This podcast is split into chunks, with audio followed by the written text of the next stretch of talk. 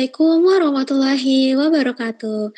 Halo Sobat Podka, ketemu lagi nih di episode kelima podcast Fisika 2023. Bersama aku Tiara yang bakal nemenin sahabat Podka untuk berbagi cerita beberapa menit ke depan nih. Bicara soal cerita, salah satu di antara kalian semua pasti ada yang anak rantau kan? Merantau dari kota tempat kelahiran ke kota orang lain. Menurutku merantau itu berat ya teman-teman, karena kita harus jauh dari keluarga, saudara, kita juga harus beradaptasi dengan orang lain, berkenalan dengan orang lain, dan juga bertahan hidup di tempat yang baru. Maka, tema podcast kali ini akan membahas soal seputaran homesick dan juga anak rantau. Nah, di sini aku tentunya nggak sendiri ya teman-teman. Aku ditemenin sama teman aku yang juga berasal dari rantau tentunya. Mungkin langsung kita sapa aja kali ya. Halo Febri. Halo Tiara, halo juga teman-teman podcast. Oke, mungkin bisa langsung kenalan aja nih Feb ke sahabat podcast. Makasih ya buat teman-teman semuanya. Halo, salam kenal. Aku Febri Anggriani, tapi teman-teman bisa panggil aku Febri. Aku dari Fisika Universitas Diponegoro angkatan 2021 dan sekarang alhamdulillah semester 5. Asal aku dari Purbalingga. Oh ya, karena Tiara ini juga tadi sempat mention anak rantau. Kalau Tiara sendiri dari mana ya, Ra? Oke, aku sendiri juga rantau ya teman-teman. Uh, rantau pulau nih jat jatuhnya gitu. Aku asalnya dari Padang. Nah, sahabat podcast, fun fact-nya nih, aku sama Febri itu sebenarnya teman deket ya. Kalau bisa dibilang tuh teman sambat gitu selama perkuliahan. Jadi kalau kayak misal udah capek banget sama perkuliahan, pasti Febri ini adalah salah satu orang tempat cerita lah gitu. Bener nggak, Feb? Iya, bener banget. Jadi mungkin bisa dibilang kita berdua saling menguatkan sebagai anak rantau gitu kali ya, Ra? ya, iya bener banget nih. Nah, berbicara soal rantau, kan kita udah semester 5 ya, Feb. Dan tadi kamu dari Purbalingga, aku nih dari Padang. Jadi bisa dibilang kita tuh udah merantau jauh dari rumah sekitar dua tahunan lah ya. Nah dari kamu pernah suka nggak sih ngerasa homesick itu sendiri? Apalagi kalau misalnya abis dari liburan tuh balik lagi ke kos nantinya. Kalau dari aku tentu pernah ya Ra, dan bisa dibilang aku itu tipe orang yang dikit-dikit homesick. Jadi pengen pulang, kangen rumah, kayak gitu Ra. Waduh, kenapa tuh alasannya? Kenapa homesick gitu tuh? Oke, kalau buat alasannya tuh banyak ya, macem-macem. Dan aku rasa kita itu penting banget untuk mengetahui apa sih alasan kita homesick. Karena kalau yang aku rasain itu aku biasanya homesick itu bukan pure karena aku kangen sama rumah. Tapi Terkadang juga alasannya karena capek, sakit, ada masalah, banyak tugas, itu juga termasuk ya. Jadi itu bisa bikin aku kangen rumah yang sebenarnya itu bukan kangen rumah sepenuhnya, tapi bisa dibilang aku tuh butuh tempat untuk istirahat atau untuk recovery dan lain sebagainya yang aku beranggapan dan emang bener obatnya itu ada di rumah. Kalau dari aku kayak gitu sih, Ra. Terus kalau dari kamu, ini kan rantau antar pulau ya, lebih jauh dari aku. Pasti bener gak sih, Ra, kalau kamu tuh jauh lebih sering homesick atau gimana? Oke, okay. sebenarnya ya, kalau bisa dibilang pas awal-awal aku mau merantau dari Padang ke Semarang, itu tuh aku nggak ngerasain homesick sama sekali. Gak tahu ya, aneh banget ya. itu nggak pernah ngerasain homesick sama sekali. Aku malah merasa homesicknya itu sekitaran semester 4 liburan kemarin banget. Karena itu bertepatan banget sama waktu Idul Fitri. Dan kebetulan banget karena aku ada kegiatan yang harus dilakukan di sini, jadi aku nggak bisa buat balik gitu. Dan itu tuh aku sedih banget sih, sumpah sedih banget. karena nggak bisa ngerasain kumpul bareng keluarga, keluarga besar ketika lebaran. Terus juga biasanya setiap lebaran di rumah aku tuh pasti bikin baju barengan gitu kan. Dan itu tuh dari ibu aku udah bikin baju seragam barengan gitu. Tapi aku nggak bisa make bajunya. Dan itu kayak sedih banget sih ngeliat dari orang tua ngirimin foto um, lagi pakai baju barengan terus kita nggak ada di situ aduh sangat merasa homesick di situnya terus selain itu juga ngerasain nggak ngerasain makanan di waktu lebaran. Karena satu makanan yang paling aku suka banget dari buatan ibu aku di waktu lebaran yaitu soto soto ayamnya sih. Dan itu tuh disukain semua orang ketika lebaran. Dan aku sangat merindukan hal itu. Jadi kayak uh, aku pas awal-awal semester nggak ngerasain homesick sih Feb. Jadi pas udah semester-semester makin-makin ke sini baru ngerasain homesick. Dan itu sangat-sangat parah banget homesicknya. Sampai-sampai sempet nangis gara-gara itu. Kayaknya aku juga pernah cerita deh ke kamu terkait ini. Gitu Feb. Wah, menarik banget nih, Ra. Karena iya benar, kamu sudah menyampaikan beberapa kalimat tadi sebelumnya ke aku pada saat ya curhat-curhat kita lah ya gitu. Tapi kamu tuh kan nggak bisa mudik waktu liburan kemarin, yang di mana liburan kemarin lumayan lama ya, hampir dua bulan. Aku pun yang liburan kemarin meskipun baru bisa pulang sekitar di rumah itu cuma 2 sampai 3 mingguan, kangennya itu masih berasa belum terobati semuanya gitu. Nah, kalau dari kamu pasti udah coba bermacam-macam cara ya, Ra, buat ngobatin kangen rumah. Kalau boleh tahu sejauh ini apa sih, Ra, yang bisa ngobatin kekangenan kamu sama rumah? Oke, terkait cara ngobatin kerinduan kita terhadap rumah, itu tuh aku dengan cara fit call atau telepon langsung sih ke orang tua gitu. Nah, di waktu semester 4 yang aku benar-benar ngerasain homesick itu, aku hampir setiap hari aku bilang gini, um, kamu berada di sini karena kemauan kamu sendiri. Ya udah, kamu harus kuat, kamu harus berani dan kamu harus jalani gitu. Jadi kayak itu tuh bisa sedikit mengurangi lah rasa kehomesikan. Selain itu cara aku mungkin dengan menyibukkan diri ya Feb, kayak mengikuti beberapa kegiatan sama organisasi. Jadi kayak kita uh, teralihkan lah dengan melakukan hal-hal uh, hal-hal yang aku sebutin tadi itu. Terus selain itu, nah juga ini curhat ke teman-teman gitu teman-teman yang sama homesick lah ya kayak berbagi keresahan ter terkait homesicknya gitu.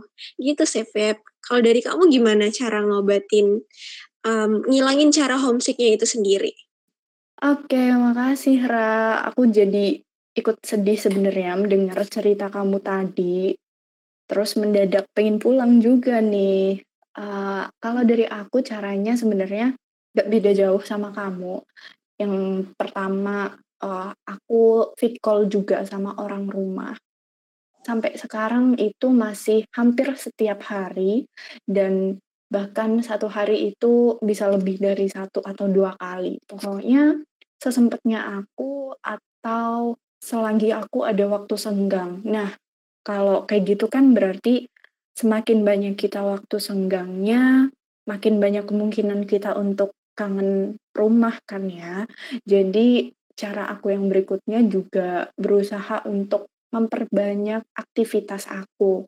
Entah itu aku join organisasi atau mungkin banyak diskusi sama temen dalam tanda kutip ngerjain tugas ya gitu. Terus juga um, yang satunya lagi cara aku buat Mengatasi mengatasi homesick aku itu biasanya juga cerita ke temen ya, karena perlu diketahui nih teman-teman, kita tuh merantau nggak sendirian, ada banyak banget teman-teman kita yang juga merantau. Dan kemungkinan besar mereka juga mengalami hal yang sama kayak kita, yaitu kangen rumah. Jadi, um, berbagi cerita sama teman-teman terdekat kita, saling nguatin lah ya kalau bisa dibilang. Jadi, banyakin ngobrol sama mereka ataupun tambah aktivitas lah, seperti itu. Kalau dari aku kurang lebih gitu sih, Ra. Oke Feb, aku setuju banget sih dari kata kamu tadi bahwa adanya teman cerita itu tuh sangat berfungsi, sangat uh, berguna untuk mengurangi rasa homesick itu sendiri. Nah, tapi ya Feb, selain aku dan kamu yang ngerasain homesick, teman-teman dari fisika sebenarnya juga ngerasain homesick nih itu kebanyakan dari teman-teman biasanya ngerasain homesick dari segi karena jauh dari orang tua, karena jauh dari suasana rumah. Terus biasanya kan kalau di rumah tuh ada saudara ya yang suka gangguin kayak abang atau ade gitu. Terus juga terkait tentunya masakan rumah. Terus terkait hewan peliharaan tuh kayak kucing. Terus juga ada terkait um, mantan. gitu sih. Nah, mungkin aku mau tanya dulu nih dari kamu ya, Feb. Um, kira-kira dari yang kamu rasain ke homesick kan yang banget-banget kamu rasain itu tuh mulai sejak kapan tuh? Apakah dari semester awal-awal atau juga akhir-akhir kayak aku tadi? Oke, kalau dari Aku homesick itu sedari awal ya, Ra, sedari awal aku merantau dan mungkin ini juga karena aku sebenarnya ekstrovert. Cuma kalau merantau tuh kan kebanyakan kita apa-apa sendiri, terus ya kalau teman lagi sibuk otomatis kita kan sendiri ya, Ra. Jadi itu sih yang paling berasa banget dan itu yang ngebikin aku homesick sejak awal, karena merantau itu nggak melulu soal kita bisa main kapan pun itu, bisa ketemu banyak orang, temen-temen yang ada tiap saat, ya itu benar, cuma kan emang nggak yang 24/7 ya. Jadi kalau aku sendiri sedari awal merantau sih, Ra. Oke. Jadi kamu kan dari awal merantau ya, itu mungkin berhubungan juga karena di awal-awal merantau kan kita harus bisa penyesuaian diri lagi ya sama orang-orang yang ada di sini. Terus juga beradaptasi sama lingkungannya gitu ya, Feb. Jadi kayak emang um, masih kerasa banget gitu pengen terus-terusan di rumah dulu gitu ya. Um, terus mungkin aku mau nanya juga nih, ada nggak sih makanan dari orang rumah yang kepingin banget kamu rasain gitu? Atau keinget banget di waktu kamu lagi homesick? Oke, ngomongin soal makanan, iya sih, Ra. Kalau aku sendiri kangen jelas masakan mama ya. Masakan rumah itu aku kangen banget. Dan juga masakan asal dari daerah aku. Dan ini mungkin bukan cuma aku yang ngerasain, kamu juga kayaknya ya, Ra. Jadi, uh, makanan di tempat asal aku itu tesnya beda sama di tempat aku merantau. Mungkin ini kamu rasain juga nggak sih, Ra? Dan itu jadi salah satu hal yang bikin kangen banget.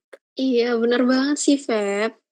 Aku apalagi kalau bisa dibilang, aku kan orang Padang ya, yang mana uh, masakannya tuh penuh sama bumbu-bumbu dan persantanan gitu ya.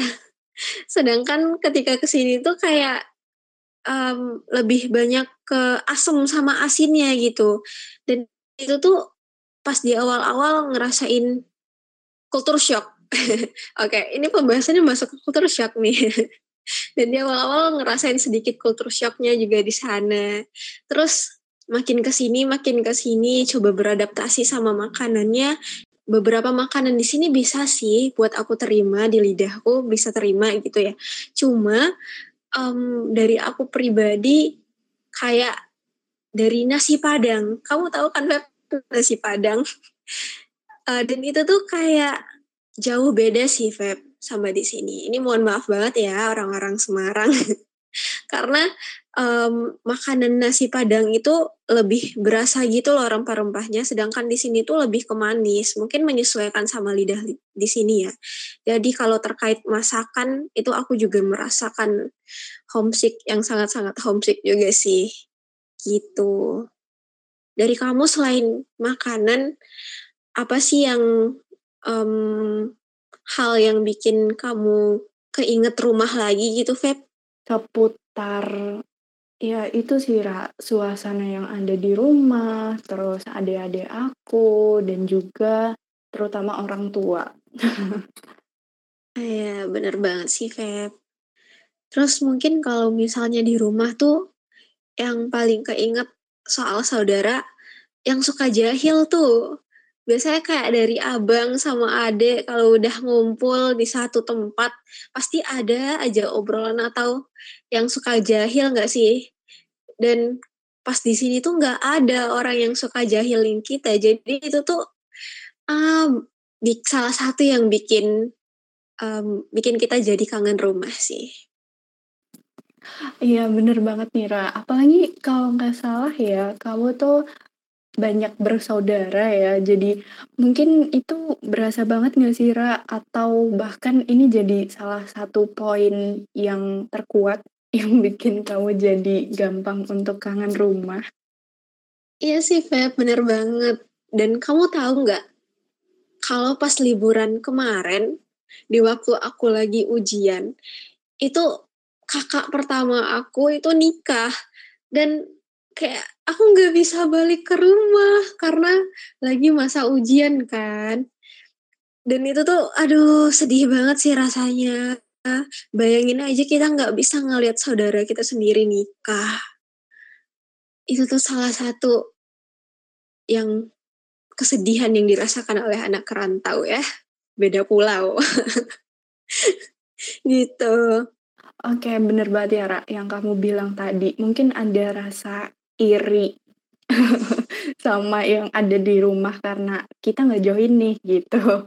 Oke, kalau dari kamu ada nggak sih Ra aspek-aspek lain yang bikin kamu kangen sama rumah? Oke, selain yang tadi kamu kan udah bilang suasana rumah, terus juga terkait makanan di rumah gitu ya, itu sebenarnya juga aku rasain. Dan hmm, selain itu sebenarnya aku ada lagi yaitu hewan peliharaan sih, Feb. Karena aku pribadi, bukan aku doang sih, keluarga aku tepatnya itu tuh sangat pencinta kucing. Bahkan kami tuh punya kucing sampai 17 ekor, Feb, di rumah. Saking sukanya sama kucing. Dan itu tuh salah satu yang bikin aku kangen banget sama rumah. Sama kucing-kucingku yang ada di rumah, gitu, Feb. Kalau kamu kamu sendiri punya peliharaan gitu nggak, Feb? Yang ketika pas kamu udah ada di Semarang, bikin kamu keinget gitu sama peliharaanmu itu? Ah, oke, uh, kayaknya ini yang kamu sampaikan tadi cukup menyedihkan ya, karena kamu merantau bukan hanya jauh dari keluarga, tapi juga dari 17 kucing ya, Ra.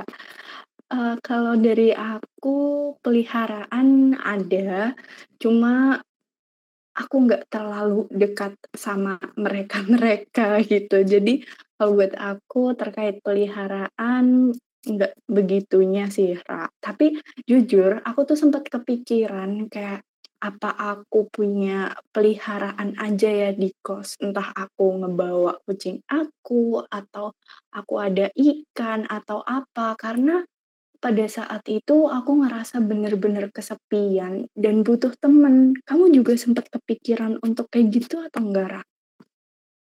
Ih asli, bener aku juga sempat kepikiran kayak gitu.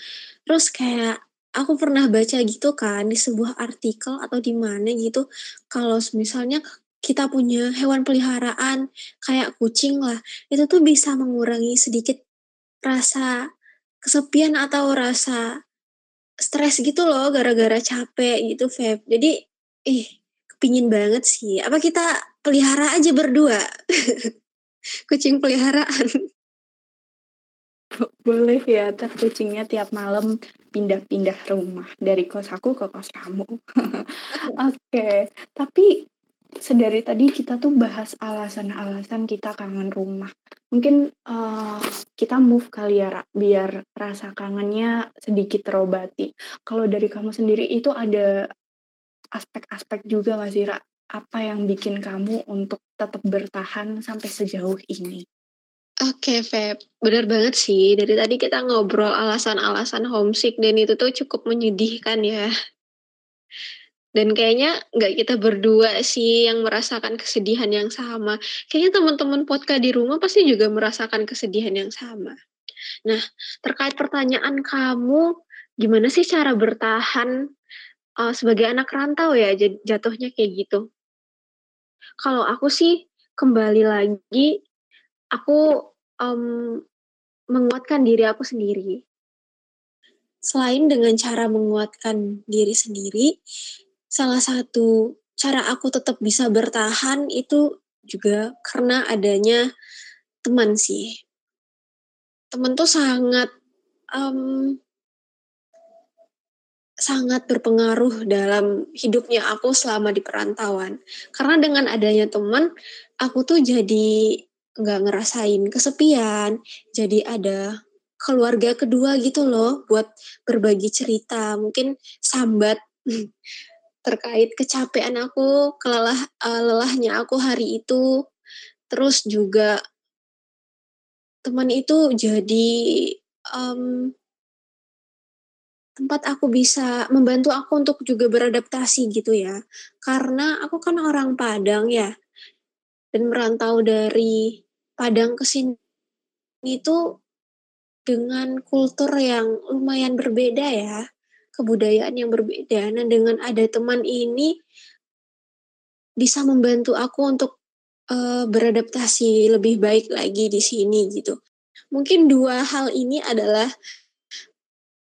uh, faktor yang bikin aku tetap bisa bertahan jauh dari rumah si Feb. Kalau dari kamu sendiri gimana? Oke, menarik banget ya, Ra. Kalau dari aku, iya, aku juga menguatkan diri aku sendiri dan juga um, keluarga pun sometimes itu jadi alasan aku kuat sampai sejauh ini ya. Teman-teman juga dan uh, aku gimana ya bilangnya karena uh, aku juga kebetulan ada partner di sini dan itu lumayan sangat membantu aku. Jadi aku berterima kasih kepada orang-orang yang sudah mau nemenin aku, mau nerima keluh kesah aku. Ya mungkin dari teman-teman aku ya, terutama kamu, itu sering banget ngedenger aku mengucapkan aku pengen pulang, tapi aku berterima kasih karena ada kalian semua. Gitu kalau dari aku. Oke, sama sih. Aku juga merasakan hal yang sama. Dan juga mau ngucapin hal yang sama nih, kayak yang kamu ucapin. Makasih ya Feb, karena um, Febri ini juga salah satu teman dekat gitu ya teman-teman. Kayak ketika lagi capek-capeknya pengen sambat terkait tugas atau organisasian yang bikin pusing itu pasti Febri salah satu teman tempat aku bercerita gitu. Uh, nah, kan tadi kita udah bahas terkait hal-hal yang bisa menguatkan tuh. Nah, menurut kamu pribadi, um, ada nggak sih hal-hal positif yang dapat diambil dari kita sebagai anak rantau gitu. Oke. Kalau apa yang bisa diambil dari kita sebagai anak rantau, jujur itu banyak banget gak sih Ra? Dan kayak yang beberapa yang aku bisa sebutkan adalah kita jadi belajar untuk jauh lebih mandiri karena yang aku rasain segala macamnya itu ketemu di kita kayak kita ngelakuin A, B, C segala macam itu yang mungkin biasanya kita berbagi sama orang rumah, tapi sekarang itu ketemu sendiri. Jadi itu membantu banget untuk kita jadi jauh lebih mandiri. Kita juga jadi lebih berani karena ya kembali lagi ya kita kan sendirian terus hmm, kalau ada apa-apa harus sendiri. Jadi paling enggak kita harus yang berani Itu sih, Ra. Kalau dari kamu gimana Nah, mungkin itu salah satu yang bisa aku sampaikan sekarang ya, Ra. Kalau dari kamu gimana? Iya, benar banget sih kata Febri tadi. Kalau menurut aku ya, selain bikin kita bisa mandiri, salah satunya juga bikin kita um, buat kita menjadi pribadi yang lebih berani. Dan itu aku merasakan banget sih, Feb. Karena aku dulu, aku kan asalnya dari Padang ya, Feb. Uh, dan itu tuh emang dari kecil di Padang gitu. Dan jarang banget buat uh, berkunjung ke daerah-daerah yang benar-benar jauh gitu loh, yang antar pulau. Nah, ketika aku menjadi anak rantau, kan itu kita um, diharuskan untuk bisa berpergian sendiri ya. Nah, di situ tuh aku merasa um, apa ya keberanian aku meningkat. Karena di situ ke mana-mana aku sendiri kayak dari Padang ke Semarang itu naik pesawat sendiri. Yang biasanya bareng orang tua kalau pergi-pergi atau bareng kakak sekarang diharuskan untuk pergi sendiri. Atau ke semisal aku juga udah ngerasain naik beberapa kendaraan untuk melintasi pulau. Kayak pesawat ataupun bus yang sampainya tiga hari dua malam itu juga pernah naik kapal. Yang di mana waktu itu aku juga sempat ngerasain di waktu naik kapal itu lagi badai-badainya. Tapi alhamdulillah aman sampai rumah ya.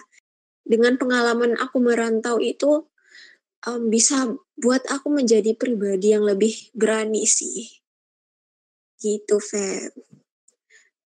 Nah kayaknya udah lumayan panjang gak sih Feb? Kayak obrolan obrolan santai kita ini. Kayak nggak tahu ya sahabat podcast bakal ngenikmatin di rumah pembahasan kita ini atau enggak. Tapi semoga teman-teman bisa terbawa suasana dan juga ngerasain um, ngerasain apa yang kita rasain sebagai anak homesick gitu ya sebagai anak rantau yang ngerasain homesick gitu nah dari kamu sebelum benar-benar podcast ini ditutup ada closing statement dulu nggak nih Oke, iya bener banget Ra. Semoga teman-teman podcast bisa menikmati ya dan mungkin abis ini jangan jadi uh, jauh lebih homesick lagi ya. Mungkin abis ini teman-teman bisa langsung hubungin sahabatnya atau pacarnya jalan yuk Aduh. aku lagi kangen rumah gitu kan bisa ya.